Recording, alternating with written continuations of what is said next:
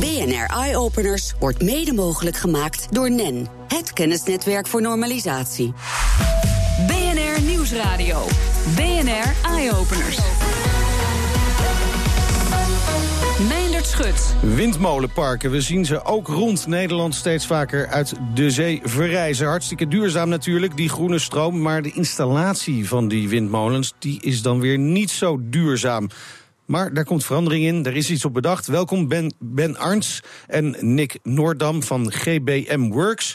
Jullie wonnen met jullie methode door Stiller Heijen de Philips Innovation Award. Gefeliciteerd alvast. Dank je wel. Hele mooie uh, prijs natuurlijk om te winnen. Uh, maar laten we even de inhoud induiken. Laten we eerst eens kijken uh, waarom de manier waarop het nu gebeurt niet duurzaam genoeg is. Wat markeert eraan? ben. Ja, wat er nu eigenlijk gebeurt is eigenlijk het meest voorkomende type fundering is een grote monopile. Dat is een paal van ongeveer 8 meter in diameter. Betonnen paal? Een uh, stalen, stalen paal. Stalen paal. En die wegen wel meer dan 1000 ton. En die worden de grond ingeslagen met een hamer van ongeveer 500 ton. Ja. Dus dat, uh, dat geeft ongeveer een geluid van 180 decibel. En dat is uh, ja, vergelijkbaar met een opstijgende raket. Ja, en dat vinden de beestjes in het water niet heel fijn. Nee, absoluut niet. Nee. Dus dat is een deel, uh, het belangrijkste deel waarom het niet duurzaam is? Of is er nog meer aan de hand? Uh, nou, dat is het allerbelangrijkste deel dat het niet duurzaam is. En uh, dat zorgt er eigenlijk voor dat ze dus gehoorschade op kunnen, okay. op kunnen krijgen. En ook de migratieroutes van de walvissen en de dolfijnen die worden door aangetast. Oké, okay, dus het is echt wel, heeft een grote impact. De manier waarop nu die duurzame windmolens in zee worden neergezet. en, en met jullie methode kan het dus op een andere manier, Nick. Ja, nee, klopt. Uh, waar we mee bezig zijn, we zijn bezig om een stille heimethode te ontwikkelen. Uh, in plaats van een hamer te gebruiken hebben wij een machine bedacht die uh, onderaan de fundering zit en die als het ware de grond weggraaft. En zo kan de paal stil naar beneden. Oké. Okay. En door het Energiecentrum Nederland is ook nog uitgerekend dat dit ook nog eens een keer sneller kan dan de huidige methodes. Ongeveer 20% sneller. En aangezien uh, tijd op zee heel veel geld kost, kan dat ook nog meer geld besparen dan alleen dat het nu al kost. Ja, ik hoor nog geen uh, nadelen van deze nieuwe methode. Waar zitten de uitdagingen? Uh, nou, de uitdaging zit eigenlijk nog in het ontwikkeltraject. Dus we staan nog redelijk in het begin. En komende zomer gaan we dus testen doen om, uh, om het eerste bewijs te leveren dat onze methode ook echt goed werkt. En een andere uitdaging is het feit dat een paal ook goed in de grond moet staan. Dus de draagcapaciteit moet goed zijn. Niet alleen naar beneden om het gewicht te dragen, maar ook lateraal. Dus uh, hij moet niet vanaf de zijkant. Vanaf de zijkant. Dus omdat heel veel wind tegenaan komt, moet hij niet oh, ja. veel heen en weer gaan bewegen. Nee. Uh, dus om dat te bewijzen dat hij goed in de grond staat, dat is ook een, uh, een goede uitdaging. Ja, en met, ja. met de oude methode, daarmee is dat bewezen dat dat mm -hmm. werkt. En ja. met jullie methode nog niet? Nee, klopt. Maar ja, we, we, er wordt al er worden honderd jaar wordt er, worden er palen de grond in gehaald. Ja, precies. Dus er is een zeer bekende ervaring mee in Nederland. Ja, ja. ja, ja. Maar, maar uh, dat, dat is toch eigenlijk gek dat er nooit een nieuwe methode op is bedacht. Maar nou ja, goed, die is er dan nu. Maar uh, hoe, hoe gaan jullie testen? Waar gaat het getest worden? Ja, nou, um, we zijn nu bezig met het, uh, het ontwerp finaliseren van ons volgende prototype. En dat wordt een 5 meter lange paal. Okay. Ongeveer 20 centimeter diameter, dus nog een veel kleinere schaal. Ja. En die gaan we op de Tweede Maasvlakte in uh, Rotterdam... gaan we die uh, heel veel keer de grond in boren. Ja, boren, graven, dat is eigenlijk ja. de nieuwe methode. En, en een van de uitdagingen, zei je al, Ben, is dat we dus moeten bekijken of die inderdaad wel stevig blijft staan. Ja. Hebben jullie daar zelf überhaupt nog twijfel over? Uh, nou, totdat we het in de praktijk hebben getest, weten we natuurlijk nooit zeker. Nee. Um, en ja. dat is met name voor de opdrachtgevers natuurlijk heel belangrijk. Ja, die ja, worden klopt. daarop uh, afgerekend of dat die wel of niet goed de grond in, uh, ja. in staat. En, en of ze deze methode gaan gebruiken. Zeker. Hoe, hoe is de belangstelling? Ja, de belangstelling is best goed. We hebben een gesprek gehad met ongeveer Boskalis, uh, GOC uh, en Jan de Nul. Uh, en die hebben allemaal aangegeven dat ze heel graag komen kijken bij onze ja. test. En ja. dan contact houden. Er is er nog geen geweest die heeft gezegd, nou, dit ga ik gelijk doen. Nee, helaas nog niet. Helaas nog niet. Maar goed, zo'n test kan dan natuurlijk wel enorm veel opleveren. Je, je zei net, tijd kost heel veel geld op zee. Ja. Um, je zei, deze methode kan sneller, dus kan ook geld opleveren. Zeker. Dat. En ja, dus zoals Ben al aangaf, het geluid is een heel groot probleem. En dat is ook erkend door verschillende overheden. Ja. En die hebben dus reguleringen in, in werking gesteld dat het geluid gedempt moet worden. En er zijn technieken Hoe doen voor ze bedacht. dat nu dan? Uh, onder meer bijvoorbeeld een bubbelscherm. En dan leggen ze een buis op de bodem van de, de oceaan. En dan met heel veel compressoren pompen ze perslucht naar beneden. En dan krijg je bubbels. En dat, dat zorgt voor dat het geluid verminderd wordt okay. naar ongeveer Die bubbels nemen dat geluid op? Ja, nou, dat soort, soort wand waar tegen weer Oh ja, oké. Op zo'n manier. Ja. Ja. En dan kan je het geluid wel verminderen tot ongeveer 160 decibel. Dus nog steeds alsof je naast een opstijgende straaljager staat. Maar dat is net genoeg voor de reguleringen. Oké. En bijvoorbeeld alleen zo'n bulbescherm kost al 300.000 euro per windturbine. Dan, dan heb je een hele lange terugverdientijd voor zo'n windturbine. Ja, dat, eh, dat is dan een, veel een van de langer redenen natuurlijk. dat eh, wind van eh, offshore windturbines Wat, zo wat, duur hoeveel decibel komt er bij jullie methode nou vrij? Nul. nou, dat zou nagenoeg nul moeten zijn. Echt, oké. Ja. Ja. Eigenlijk alle, alle activiteit gebeurt eh, beneden de, de zeebodem. Dus niet in het water. Dus er komen eigenlijk ook bijna geen trillingen vrij eh, in de zee. Nee. En hebben jullie onderzocht of er eventueel wel andere nadelen zijn van jullie methode voor eh, het milieu? Nou, voor het milieu eigenlijk niet. We gebruiken geen chemicaliën of Nee. rare stoffen. Ehm, en dus nauwelijks geluid. Dus nee, geen, eh, geen nadelen. Nee, nou, waar zien. super spannend. En eh, de markt is eh, natuurlijk aan het groeien voor, Mhm. voor deze eh, windmolens op zee onder andere. Ehm, eh, zien jullie nog andere eh, mogelijke eh, toepassingen voor deze methode? Mhm. Ja, nou, het gaat sowieso een heel lang traject worden voordat we überhaupt windmolens op zee kunnen plaatsen. Ook omdat die ook steeds groter worden. Ja, ja. Dus waar we volgend jaar willen doen is een paal van 30 meter lang en 1 en 2 meter diameter. Dat is al het formaat van bijvoorbeeld een aanmeerpaal in de haven. Ja. En het zou ook gebruikt kunnen worden voor eh combiwanden, een soort type damwand. Oké. Dus daar voor de aanleg van bijvoorbeeld nieuwe havens zouden we ook al dingen kunnen doen. Oké, maar uiteindelijk is die droom om die, Ja. die grote windmolens op zee eh, te gaan neerzetten en dan gebruik te maken van jullie methode. Jullie hebben de Philips Innovation Award gewonnen. Dat is Ja. in ieder geval een hele mooie stap natuurlijk. Wat, wat betekent die prijs voor jullie, denk je? Eh, nou, ten eerste echt enorm veel eh, nou, aandacht. zoals eh, Zoals eh, vandaag. zoals vandaag. Ja. Hoewel wij niet wisten toen we jullie uitnodigden dat, dat jullie die prijs zouden winnen. Maar eh, desondanks. Eh, ja, en het is natuurlijk een mooie, mooie prijs qua, qua geld om eh, te hebben. Dus een lekker, eh, lekker extraatje. En eh, ja, je hebt allemaal diensten waar we gebruik van kunnen maken. Ook ter waarde van 40.000 euro. Kijk, Dus dat, eh, dat zet wel wat zo aan in de ieder geval dijk. even door met, eh, met het onderzoek en de ontwikkeling van de methode. En hopelijk dat eh, er een paar van die bouwbedrijven jullie methode inderdaad zo interessant vinden dat ze het ook daadwerkelijk oppakken natuurlijk. Zeker. Ja. Hartstikke mooi. Bedankt voor jullie komst naar de studio. Bern Arns en Nick Noordam van GBM Works. En eh, heel veel succes de komende tijd. Dank je. Dankjewel. Geen landdier is sneller dan de cheetah. En dat eh, komt door zijn extreem flexibele ruggengraat. En wat is nu het wonder? Het is onderzoeker Geert Volkersma gelukt die ruggengraat na te bouwen als robot. En Harmen van der Veen, onze verslaggever, die krijgt een demonstratie. Hij springt heel enthousiast. Maar hij komt niet van zijn plaats even. Nee, dat komt omdat hier zo stoffig is. Er wordt wel schoongemaakt, maar niet zo vaak. Oké, moeten we hem even op de rubberplaat zetten? Een klein stukje. op de rubberen mat zetten en dan gaat hij weer naar voren. Daar gaat hij dan, de, de robot cheetah. Ja, nu heeft hij wel echt grip en nu gaat hij als een malle naar voren, zou ik willen zeggen. Wat een snelheid. Niet bij te houden. Mag ik wel eerlijk zeggen dat... ehm, ik kwam hier en ik had een, toch een ander beeld van, eh, van uw cheetah. Ja, bij een cheetah denk je aan... een- Nou, het ziet eruit als een cheetah. Hij ziet er super gaaf uit. Ehm, Staart, lange poten, een mooi vachtje. Een koopje wordt er bijna bang van. En ja, als je hier zo op het eerste gezicht naar kijkt... dan is het toch een beetje een lullig stukje plastic... wat een beetje op en neer staat te krikken. Een uitgeklede versie. Ja, ja. En dat komt dus... eh, ik heb niet geprobeerd om een cheetah na te bootsen. Dat wil zeggen, niet na te bouwen. Hij hoeft er niet uit te zien als een cheetah. Maar wat dan wel? Eh, wat dan wel, hij moet rennen als een cheetah. En niet zo hard, maar net zo efficiënt. Ik heb de cheetah teruggebracht tot zijn essentie. En dat is eigenlijk een achterpoot en een voorpoot, links en rechts. En daartussen die ruggengraat. Het is een wonder uit de natuur.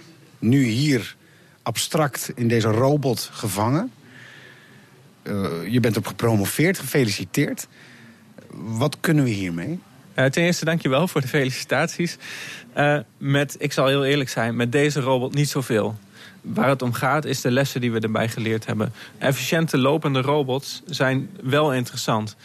Want eh, Die zijn er eigenlijk niet, toch? Als je aan zo'n zorgrobot denkt of zo'n stofzuiger, dat is houterig, lomp. eh, vaak ook nog met herrie. Precies. Ik heb thuis ook een eh, stofzuigerrobot. Een beetje beroepsdeformatie natuurlijk, maar ook heel handig. En die heeft vrij kleine wieltjes. En die verslikt zich al in de drempel tussen de woonkamer en de gang. Nou, daar zie je eigenlijk al aan. Als een robot bij ons thuis of op het werk iets moet kunnen doen... moet hij gewoon poten hebben, moet hij lopen. Omdat onze omgeving is ingericht voor mensen met benen. En niet voor mensen met wieltjes. En hij hoeft niet te rennen eh, en te springen en te lopen als een cheetah in ons huis. Maar een residu daarvan, daar kijken we naar, dat is al een enorme sprong voorwaarts. Het onderzoek wat ik heb gedaan ging over efficiënt en snel lopen. Dat kunnen we echt toepassen in alle denkbare lopende robots die we nog gaan maken. Het idee is duidelijk. Zeker, ja. Mag ik hem nog even zien? Rennen, horen. Daar gaat hij. Hij doet me eigenlijk een beetje aan een soort denken als je dan uh, een beetje hier zat te springen. Prachtig. We kijken dus echt naar het mechaniek. Dat is het. Dus de Cheetah-robot van de Universiteit Twente. Volkertsma gaat met zijn studenten verder met het onderzoek. Volgende stap is de ontwikkeling van een nieuwe verbeterde voet voor de Cheetah. En straks gaan we kijken naar schoenen van kwallen. Ja, echt van kwallen. BNR Nieuwsradio. BNR Eye-Openers. Kwallen. We zwemmen of lopen er het liefst met een grote boog omheen. Maar er is ook iemand die juist heel blij wordt van die aangespoelde beestjes. Overleven ze die aanspoel niet, dan tovert zij ze om in schoenen. Ja, echt schoenen. Charlotte van Alem, welkom in de uitzending. Ja, hartelijk dank. Welkom. Hoe, hoe, hoe ben je op het idee gekomen om dit met kwallen te gaan doen? Schoenen van kwallen. Nou, hoe ben ik op dit idee gekomen? Dus eigenlijk, ik, ik herkende dat er een toename was van kwallen in de oceaan en kwallen die aanspoelen op de kust. En uh, ik vond bijvoorbeeld ook als ontwerper interessant om in te spelen op die negatieve associatie die mensen over het algemeen met kwallen hebben. En ik wist dat ze uit collageen bestaan. Dat is een hoogwaardige grondstof, waar doorgaans leerachtige materialen van worden gemaakt. En daar is het eigenlijk bij ontstaan. Kijk aan, ja, wat is, ik, eh, ik, ik dacht al, het zal niet zo zijn geweest dat je erin stapte en dacht: Goh, wat zit dit lekker. Ik ga hier echt een schoen van maken. Nee. Nee. En, eh, er je- is wel wat eh, aan vooraf gegaan. Ja, je zei al, er zit collageen in. Is, is dat wat een kwal interessant en geschikt maakt om daar schoenen van te maken? Ja, dat klopt. Eh, collageen is eigenlijk eh, ja, het proteïne, de bouwsteen waar, waar je sterk materiaal van kan maken en waar ook onze huid uit is opgebouwd. En dat kan je conserveren en dan kan je er een soort van leer van maken. Eh, maar Hoeveel kwallen heb je nodig voor een schoen? Voor een schoen, voor de waterschoen die is gemaakt, daar zitten ongeveer, schat ik, tien kwallen. Het zijn vaak kleine stukjes. Het materiaal is ook vaak heel fragiel.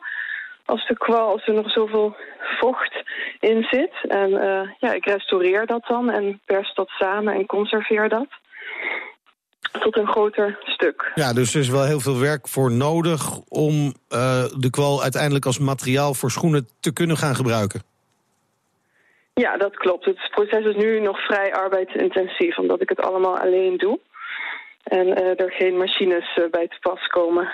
Maar kun je ons even meenemen in dat proces? Hoe begint dat? Je vindt kwallen op het strand, die neem je mee. En dan? Wat ga je dan doen? Ja, dus het is eerst heel belangrijk dat, want ze vergaan heel snel als, het, als de zon schijnt eh, op het strand. En dus het is eerst heel belangrijk dat je, dat je ze conserveert. En dat, dat doe je eerst met, eh, met zout, eigenlijk ook hoe je bijvoorbeeld vis zou conserveren. Ja. Ehm, en daarna ga je het proces in van, nou en dat, er zijn zoveel verschillende behandelswijzen, maar al de proefjes die ik heb gedaan, eh, dat is vo- voornamelijk looien op natuurlijke wijze natuurlijk. En met allerlei additieven, waar ook veel kennis dat ik tijdens mijn stage heb opgedaan eh, met, met eh, kunstobjecten, het restaureren van kunstobjecten. Dat kan ik ook toepassen. Dus Oké, het is een kwestie van ze op tijd eh, van het strand afhalen... ze snel conserveren en dan behandelen dus. Is er nog een bepaald moment Ja. op de dag dat, eh, eh, dat je er moet zijn voor die kwallen? Nee, dat, want de kwallen zijn afhankelijk van de stroming. Ja, dus is precies. niet. eh, ja. Nou, dus de vraag natuurlijk, blijft dit een beetje een kunstobject, een, een bijzonder project? Of zie je in de toekomst ook echt schoenen gemaakt van kwallen in de winkel liggen? Ja, dat vind ik wel een heel mooi uitgangspunt. Maar voordat dat zover is, eh ja, dan zou er eerst moeten, gekeken moeten worden van hoe kan dit eh, proces efficiënter. Ja. En daarvoor is het wel echt nodig om een team van specialisten te verzamelen om hiervoor een concept te bedenken. Ehm, eerst wat ik eerst heel graag zou willen is eh, naar Japan afreizen. En daar met de Nomura-kwal te gaan werken. Waarom? Omdat de Nomura-kwal... Waarom? Omdat hij een omvang van 2 meter heeft. Die weegt ook 200 kilo, maar zodra het water aan de kwal is onttrokken... dan heb je natuurlijk, het blijft een dun velletje Ja. eh, over. En dan heb je ook meteen een groter oppervlak om mee te werken. Kijk, ja, dat is Ehm, logisch. dat zou ik heel mooi... Ja, Ja, en, en ik, ik kan me voorstellen dat je op eh, grotere schaal eh, schoenen wil maken van kwallen. Dat je kwallen dan misschien wil gaan kweken. Is dat iets wat je in gedachten hebt? Ehm, nee, dat heb ik voor nu niet in gedachten. Oké. Ik denk ook niet dat dat nodig is, omdat er kwallen in zulke grote eh, aantallen aanspoelen op de kust. Dus ik denk dat het niet nodig is om ze te kweken. Nou, nou zijn er natuurlijk wel meer dieren die collageen in hun lichaam hebben. Je zei al, eh, wij hebben het zelf als mens. Zijn er ook nog andere dieren waar je op uit bent? Mm, eh, voor- voorlopig niet. Ehm, maar bijvoorbeeld zou, zou je ook van slakken misschien leer kunnen maken. maar ik heb me nog niet verder verdiept in het onderzoek. Oké. Ik heb er wel over nagedacht, omdat er vaak overlast bezorgd bij mensen in de achtertuin. Ehm, ja, dus... Maar Ja. voorlopig eh, ben ik liever nog bezig met de kwallen. dat lijkt me ook een heel mooi project. Maar ik zou het wel heel fijn vinden als van al die naaktslakken in mijn tuin uiteindelijk schoenen gemaakt kunnen worden. Een hele mooie oplossing. Dankjewel, Charlotte van Alem. En heel veel succes met je project. BNR Nieuwsradio. BNR Eye Openers. Tijd voor de beste technieuwtjes uit het buitenland. En daarvoor hebben we zoals elke week aan de lijn hoofdredacteur van Numrush.nl, Elger van der Wel. Op dit moment op Schiphol en onderweg naar Microsoft Build in Seattle. Elger, ehm, de wereld om ons heen wordt steeds slimmer. En dan kan een eh, meu- meubelgigant als IKEA natuurlijk niet achterblijven. Wat zijn ze daar in Zweden precies eh, van plan? Nou, ze zijn al de eerste slimme producten op de markt aan het brengen. Onder meer van die, van die lampen die je bijvoorbeeld met een app op je smartphone kan bedienen. Kun Ja. je gewoon nu kopen bij IKEA. Nou, een volgende stap is waarschijnlijk dat ze iets gaan doen met virtuele assistenten. IKEA doet Oh. op dit moment onderzoek naar onder, eh, onder de klanten. En eh, verder weten we nog niet concreet of ze iets mee gaan doen. Maar het feit dat ze onderzoek doen, geeft wel aan dat er interesse is bij de meubelgigant om hiermee aan de slag te gaan. Ja, maar wat hebben ze dan precies gevraagd aan die klanten? Nou, eh, voor- vooral of ze, of ze natuurlijk überhaupt eh, interesse hebben in, eh, in zo'n dienst. Maar ook hoe zou die met je moeten omgaan? Hoe zou die moeten, met, je, met je moeten praten? Ja. Hoe zou die moeten reageren? En bijvoorbeeld ook natuurlijk, hoe denk je over privacy bij zo'n zo'n spraakassistent? Ja, oké, eh, Elger, maar nou zijn die slimme apparaten en tools vooral heel leuk en handig. Maar soms ja, kunnen ze ook echt een wereld van verschil maken. Voor, voor kinderen met dyslexie bijvoorbeeld. Microsoft heeft speciaal voor die mensen iets bedacht. Hoe, hoe gaan zij helpen? Ja, vorige week heeft Microsoft een speciale eh, presentatie gegeven over wat ze doen voor het onderwijs. Onder andere toen ook speciale Windows-versies voor het onderwijs, speciale laptop geïntroduceerd. Maar wat veel minder aandacht heeft gekregen is dat ze echt goede software hebben gelanceerd die kinderen met dyslexie eh, kan helpen. Learning tools noemen ze het. Eigenlijk een heel simpel programmaatje waar je een tekst in kan voeren en die op zo'n manier wordt weergegeven met, met woorden die één voor één worden gehighlight, dat het een stuk makkelijker is voor een kind met dyslexie om teksten te lezen. Dus het is echt een hulpmiddel waar ze iets aan hebben. Ja, super slim natuurlijk, maar dit is dus wel bedoeld voor scholen hè, en niet voor thuis. Het is in principe natuurlijk bedoeld voor scholen dat die dat beschikbaar maken. Maar het is gewoon vrij en gratis te downloaden als onderdeel van OneNote. Een, eh, een gedeelte van Office. Kun je het gewoon downloaden en ook eh, thuis uitproberen. Nou, hartstikke mooi. Gaan we zeker doen. Hey, er is ook goed nieuws voor fruittelers. En dan specifiek voor de mensen met appelboomgaarden. Ze hebben straks hun handen vrij voor hele andere klusjes. Of een extra kopje koffie bijvoorbeeld. Want ze krijgen hulp. Plukken, en dat is natuurlijk het meeste werk als je een appelboomgaard hebt. Ehm, eh, eh, fruittelers überhaupt eh, zitten wel te wachten op robots, omdat het gewoon een stuk goedkoper is. Maar omdat je dan 24-7 natuurlijk je oogst binnen kan halen. Dat wil je zo snel mogelijk doen. Maar het is lastig fruit plukken voor een robot. Je knijpt, knijpt een appel of een aardbei fijn bijvoorbeeld. Ehm, maar inmiddels wordt de robottechnologie natuurlijk steeds beter. En er zijn dus twee bedrijven in Amerika die daadwerkelijk eh, geschikte robots hebben gemaakt die heel veel werk kunnen overnemen. Natuurlijk slecht nieuws voor laag opgeleide mensen voor wie dit hun werk is. Want zij zullen hun baan langzaam zien verdwijnen door de opkomst van robots. Ja, nou ja, die kunnen wellicht dan weer ergens anders in het bedrijf worden ingezet. Hopen we dan maar. Eh, hoe, hoe zit het eigenlijk met de rijpheid van, van dat fruit? Hè? Hoe, hoe weet zo'n robot wanneer het tijd is om echt te gaan plukken?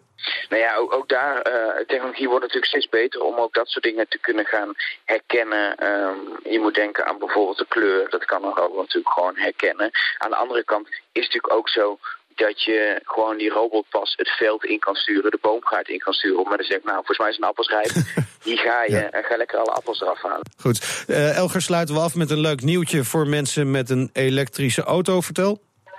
Nou, BMW die heeft een, uh, een nieuwe auto gepresenteerd, de 530e i-Performance.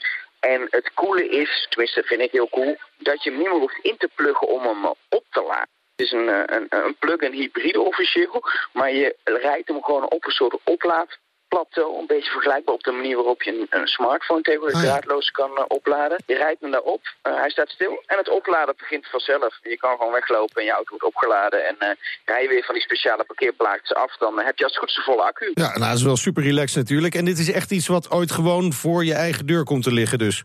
Nou, het is wel de bedoeling dat je eigenlijk gewoon uh, in een ideale wereld natuurlijk de parkeerplekken voor jouw deur gewoon hebt met, uh, met dit soort laadsystemen. En het is wel handig als dat niet een systeem van BMW is, maar een systeem wat alle fabrikanten gebruiken. Dat ze ja. een beetje gaan samenwerken. Maar zover is het nog niet. Uh, eerst moeten die auto's maar eens op de markt komen. Zo is dat. Dankjewel Elger. En een goede vlucht naar Seattle. Meer innovaties met impact vind je op bnr.nl slash eyeopeners. Op Twitter vind je ons via BNR Innovatie. En de hele uitzending kun je terugluisteren als podcast via iTunes en Spotify. En je hoort ons natuurlijk in de toekomst. Doei! BNR Eye Openers wordt mede mogelijk gemaakt door NEN, het kennisnetwerk voor normalisatie.